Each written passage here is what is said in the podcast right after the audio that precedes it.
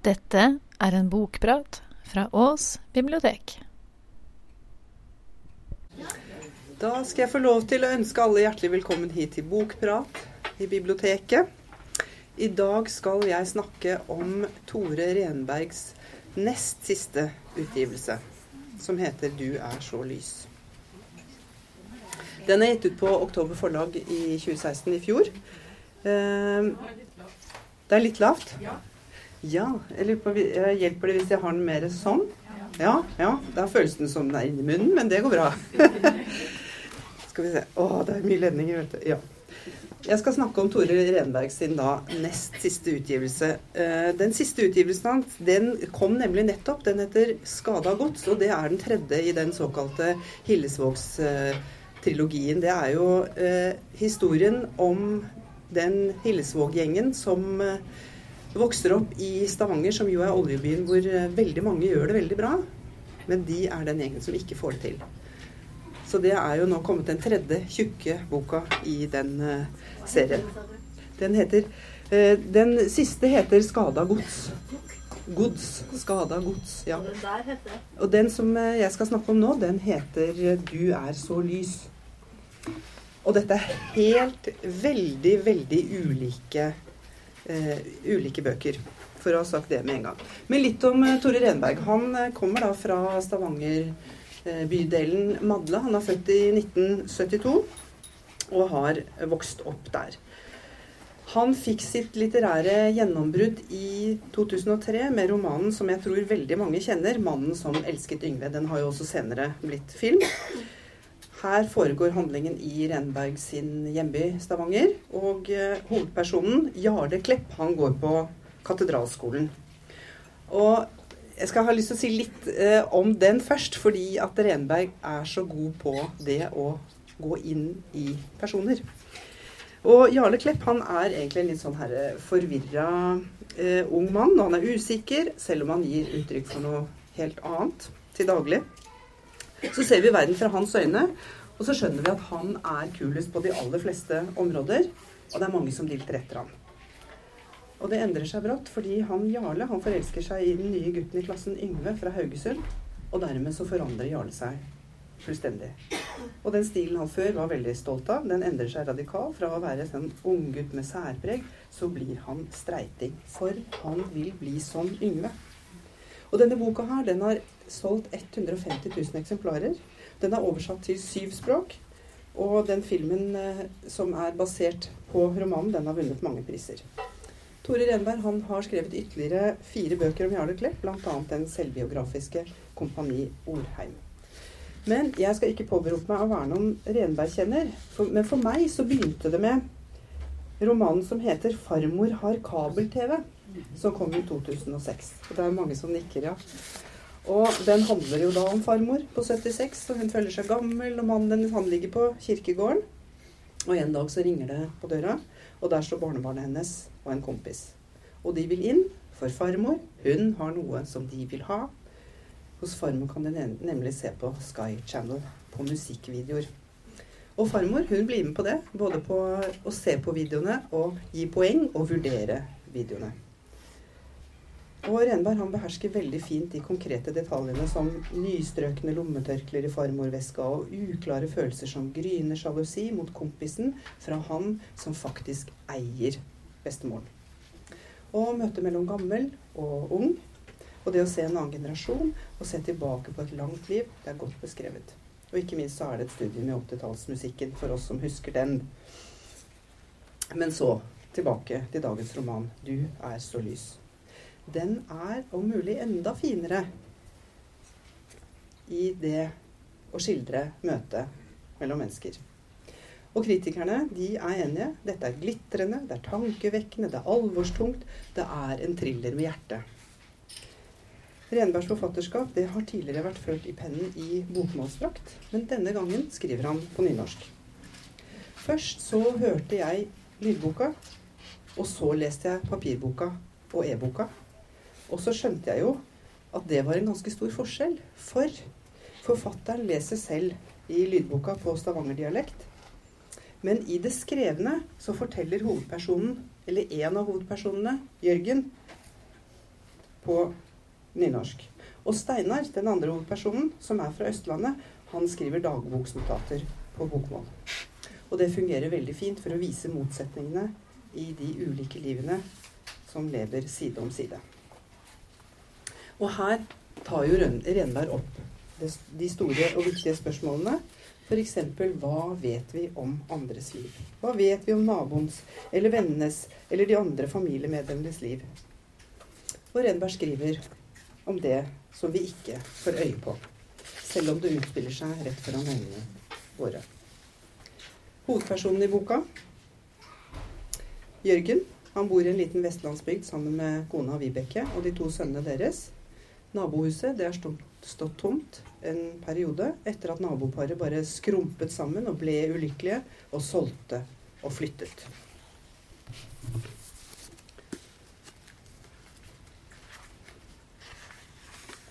Og det begynner sånn. Han kom hardt inn i livet vårt. Det er slik jeg tenker på det. Det var ikke greit, alt i alt. Det har skapt mye uro og like mye vondt.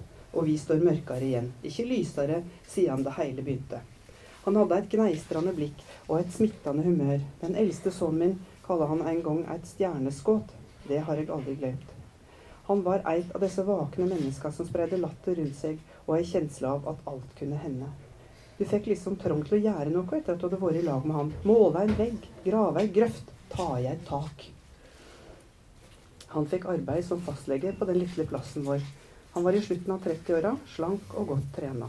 Han blei født på den andre kanten av landet, i en mellomstor by et par timer sørvest for hovedstaden. Og han brukte å seie med et smil at det var kjærleiken som flaug han til bygda. Hva ellers skulle få en mann til å dra så langt vekk hjemmefra?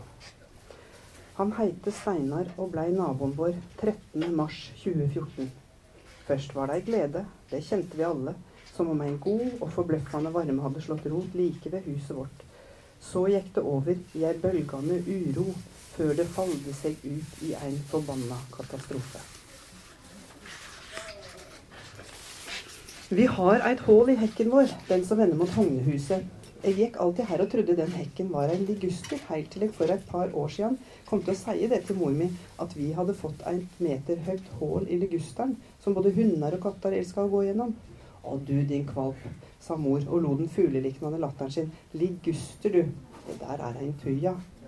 Og så rista hun på hovedet og spurte hvordan sønnen til en gartner kunne bli så ukunnig om alt grønt. Og jeg svarte tilbake. Kanskje fordi jeg har en mor som har sydd noen kolossale puter under de pinglete armene mine. Det er slik jeg av og til snakker til mor mi, velsigne henne, det vesle og sjenerte mennesket. Hun er virkelig lite av vekst, så det er ikke bare noe jeg sier. Men hun ber det spinkle vesenet sitt godt. Det er ingen andre jeg snakker slik til. Jeg veit det, akkurat som jeg veit hvor toskete det høres ut. At en voksen mann på over 40 lar seg irritere av mor si. Men slik er det altså. Og jeg kommer ikke ut av det. Jeg håper hun veit at det ikke bare er tullskap, at det også er et tegn på kjærleik. Litt sliten kjærleik, kanskje, slik det må bli mellom folk som har vært mye i lag. Kan hende har jeg henta noe av den litt nebbete måten å snakke til henne på fra far min. Han er verdens beste mann, han, slik jeg ser det. Men han kan være noe sleivete i kjeften når han er i sånn halvlunken lune og synes alt går til skogen. Og det synes han ganske ofte. Forskjellen på oss er at han snakker slik til alle, mens jeg bare gjør det til mor min. Nokså dårlig stil. Jeg veit det.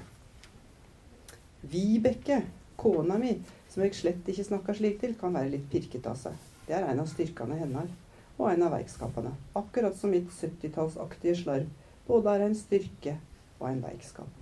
Hun har klaga over dette hullet i flere år. Det burde gro igjen, men det blir større og større, sier hun. Og da klarer jeg ikke å dy meg, så jeg understreker at jeg syns det kan bli så stort det bare vil, og at det er sjarmerende med et sånt hull i hekken, før jeg legger til må alt være så perfekt? Perfekt, sier Vibeke og flirer nøyd med seg sjøl. Er undervurdert i vår tid. Så Jørgen, han er sin kones rake motsetning. For det er mye som går sakte med han. Han er ikke i nærheten av å få ting unna sånn som kona får det. Og sånn er også sønnene deres, Vidar, som er ungdom, og Eyolf, som er førskolegutt. Og Jørgens far han syns at de er sløsete og slurvete, og de tar ikke vare på sakene sine. Men Jørgen har én egenskap. Han ser andre mennesker. Og familien, den er stor. Og alle kjenner hverandre i bygda. Og Jørgen han har oversikt over dem alle. Svigerfar, tannlegen, han er litt av en luring som alltid står litt for nære den han snakker med, og senker stemmen og sammenligner folk med dyr. Og svigerfar Torger han har vært sammen med svigermor Klara Marie siden de var 16. De møtte hverandre på dans i nabobygda for over 40 år siden, og han gikk rett bort til henne og sa at hun så ut som en svane. Og så ble de kjærester. Det er Klara Marie som holder balansen hjemme hos de to. Renberg er en mester i å portrettere mennesker som det er lett å tro på, som det er lett å tenke at de her er ekte. Og så er det mange av dem.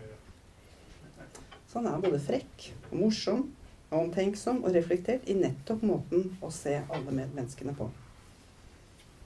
Men tilbake til handlingen. Så kommer altså Steinar gjennom denne hekken og inn i livet til alle i bygda.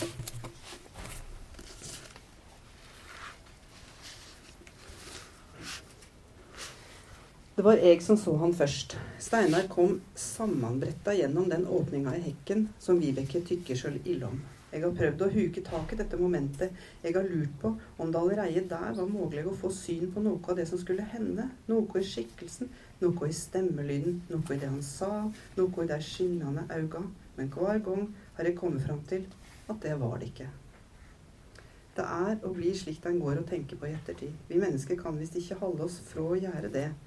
Men det eneste som er sant, er at fortida, den har vi ikke tilgang til på noe annet vis enn gjennom tankens kraft.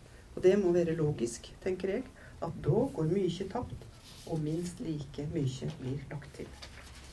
Det er ikke så enkelt å få øye på sitt eget liv, sjøl om du er den eneste som lever det.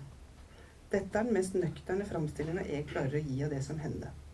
Han kom sammenbretta gjennom hullet i hekken. Han åpna seg og tok noen steg ut på plenen.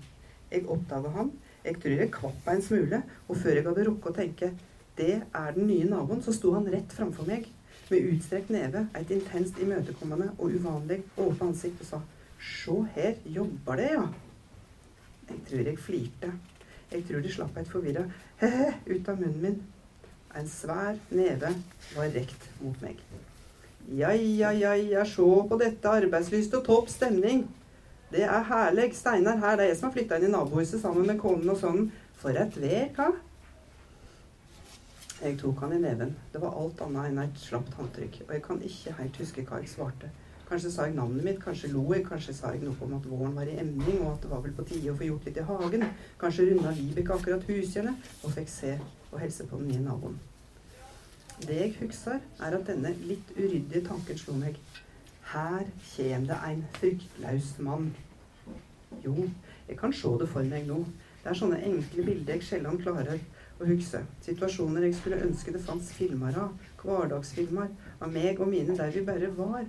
Der vi bare eksisterte. Sola hadde begynt å gå ned. Eyolf bar den tunge steinen over jorda. Vidar pirka med en pinne i det gulgrønne gresset. Vibeke runda hushjørnet.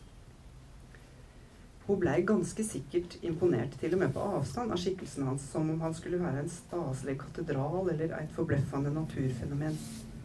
Vibeke stansa ved sida av meg, slik at vi begge sto ansikt til ansikt med naboen. Hun blåste vekk en hårlokk fra panna, en gest jeg har sett henne gjøre én million ganger, og som alltid får meg til å ville ligge med henne. Så samla hun hagehanskene i ei hand og rekte han den andre og sa Vi har lurt på hvem som kom til å flytte inn. Det trenger ikke lure lenger sa Steinar og lo den hjertelige latteren som skulle komme til å prege nabolaget de neste månedene. Vibeke, sa hun og smilte. Steinar, sa han og gjorde en slags kast med hodet. Jeg har hørt om deg, ja. Det er du som er rektor på skolen her? Jo da, sa Vibeke, det er jeg som pisker ungene våre av gårde. Steinar flirte godt før han vendte seg til guttene mine. De sto på avstand og undra seg over denne karakteren som brått fantes i hagen deres. Sjå der, ja, gliste Steinar. Her er det yngel også. Hva heter det, da? Han gikk mot guttene, og jeg syns steget hans fikk jorda til å gynge. Hæ, det er Billy Bob Harelabb her. Han rekte neven mot guttene mine. Jeg så at Vidar rygga litt, skremt som han er, og jeg så at Eyolf fryda seg tvers igjennom hele kroppen. Dette er det viktig å få sagt. Det tok ikke mer enn noen sekunder før vi og alle rundt oss ønskte å være i nærleiken av, av ham. Og sånn fortsetter det.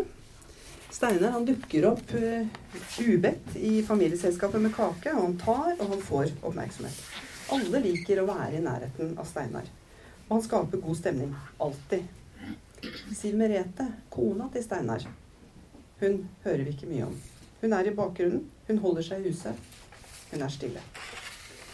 Og på mange måter så begynner det bra. Men så skjer ting, og det baller på seg. Jørgen han har en god kamerat. Bjørn. Deres greie er at de er Westham-supportere. I mange år har de dratt til Upton Park vår og høst for å oppleve laget sitt. De har nemlig en urokkelig tro på at Westham, eller Hammers for kjennere, de skal klare å klatre oppover tabellen en vakker dag. Men så blir Bjørn alvorlig syk, og så kan han ikke være med. Og Steinar han melder seg umiddelbart og avgjør saken med største selvfølgelighet. Jeg blir med. Og Jørgen han klarer ikke å si nei, og herrene reiser til London. Så viser det seg allerede på flyet at Steinar han vet ingenting om fotball. Vel installert på hotellet så forsvinner han kommer ikke til fotballkampen. Og så serverer han en forklaring dagen etter om at han måtte redde en narkoman jente i en park. Og Jørgen, som jo egentlig er god til å se andre mennesker, han skjønner ikke hva det er med Steinar. Han skjønner at det er noe som ikke stemmer. Han forstår bare ikke hva det er for noe. Og følelsen, den følger Jørgen. Og både han og Vibeke, de stusser stadig. For det begynner å bli et eller annet guffent. Så kommer sommeren, og Eyolf blir invitert med Steinars familie på hyttetur. Og han jubler, og foreldrene er i tvil. Men så får de nøkkel til nabofamiliens hus for sikkerhets skyld, sier Steinar. Og for å finne ut om det er noe som ikke er som det skal være, så låser de seg inn når naboen har reist. Og de finner ikke ut noe som helst. Det bare er veldig ubehagelig å kikke i andre folks saker. Og så vet de jo heller ikke egentlig hva det er de ser etter. Hva er det som er innafor? Hva er det som ikke er innafor? Men de er bekymret, så de reiser opp på hytta til Steinar og Liv Merete og de to små guttene og påberoper seg et spontant behov for å komme til naturen. Eiof, han har det kjempefint. Han er begeistret for Steinar og for alt Steinar finner på. Så det er ingenting å sette fingeren på. Og de reiser hjem igjen. Og så er de like kloke. Men beroliget, det er de ikke. Hvem er Steinar? Og hva er det som ikke stemmer? Og på mange måter så får vi et slags svar på det. For Steinar har en notatbok. Og Renberg han gjør det grepet at han skriver Steinars notater på bokmål. Anmelderen i VG, eh, uh, Brynjulf Jung Kjønn, han mener at det forflater Steinar sin versjon. Men jeg syns på min side at det fungerer veldig godt. For de to mennene de representerer to helt ulike kulturer to ulike landsdeler og to veldig ulike liv. Og skal begynne rett før de flytter fra bygda og lese fra notatene. Dette er 'Flytter til bygda'. Ja. Dette er 2. mars 2014. Steinar skriver. Det er en gråt bak øynene mine. Jeg vet at ansiktet mitt smiler. Jeg vet at det er lyst, og jeg vet at jeg ler. Den hvite gråten har jeg inni meg. Jeg vet ikke hvor den kommer fra, og jeg vet ikke hva den handler om. Jeg vet bare at jeg våkner om morgenen med et fremmed mørke i hele kroppen. Jeg har hatt det slik nokså lenge nå. Det begynte for om lag halvannet år siden. Jeg slo opp øynene og undret meg over et fremmed drag inni meg. Det første jeg husker, er at det satt i halsen som en slags klump, en bløt klump jeg ikke klarte å svelge. I begynnelsen var det så ukjent at jeg ikke forsto hva det kunne være. Sist av alt trodde jeg at det var noe vesentlig. Det var vel en slags underlig influensa eller noe slikt. Etter hvert som det ikke ville slippe taket, etter hvert som det este ut og økte og tok bolig i meg, begynte jeg å skjønne at det var virkelig. Influensaen satt i hjertet. Det var som om det hadde kommet noe inni meg. Et annet menneske. Et mørkt, et fremmed vesen. For jeg har alltid vært så lys. Det er det alle har sagt om meg. Du er så lys. Nå er jeg ikke lys lenger. Så går det noen dager. 10. mars 2014 skriver Steinar. Liv Merete har sagt jeg bør skrive ned det jeg tenker. Hun har bedt meg om å gjøre det. Jeg har en klar motstand i meg mot dette ønsket. Jeg vet ikke. Der jeg kommer fra, mener mange at å gå til psykolog eller grave rundt i ting bare gjør deg sykere enn du er. Jeg opplever dette som noe av det samme at jeg skal sitte her ved kjøkkenbordet som nå, en sein kveld etter at hun har gått og lagt seg, og skrive om meg selv og det som hender med meg, eller i meg. Jeg er ikke sikker på at det er godt for meg. Kanskje det gjemmer seg ting inni oss mennesker av en grunn. Kanskje disse, tingene vet bedre enn oss. Kanskje de vet at mørket de bærer på, det tåler vi ikke. Kanskje de vet at det er farlig å eksponere seg i oss. Men Merete virker sikker. For henne gjør jeg det. For henne gjør jeg alt. Vi har levd i esker og kasser i noen uker nå. Om tre dager flytter vi inn i det nye huset. Det finnes et sterkt håp i Liv Merete om at det skal forløse en god tid for oss. Hun sier ikke at hun håper det skal gjøre meg frisk, for hun vet at jeg ikke vil bli kalt syk. Men det er det hun tenker. At det nye huset og det vi møter der, skal gjøre meg slik jeg var før. At dette, å flytte til den lille plassen hun kommer fra, skal skape fred i meg. Fred og balanse og glede. I meg er ikke håpet så sterkt som i henne. Men jeg har det, jeg også, bare svakere. For jeg vet hvor mørkt dette jeg er overfalt av, er, og jeg har vansker med å se at det skal forsvinne. Det er så Det er vanvittig så lys jeg har vært i livet mitt. Alle tror jeg er det. Like lys. Ennå.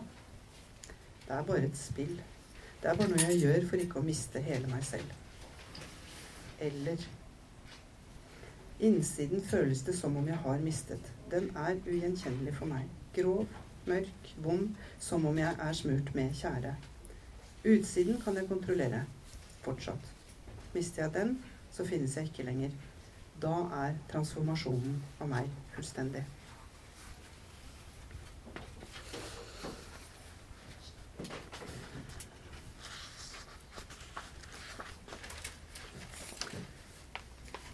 Så går det noen måneder.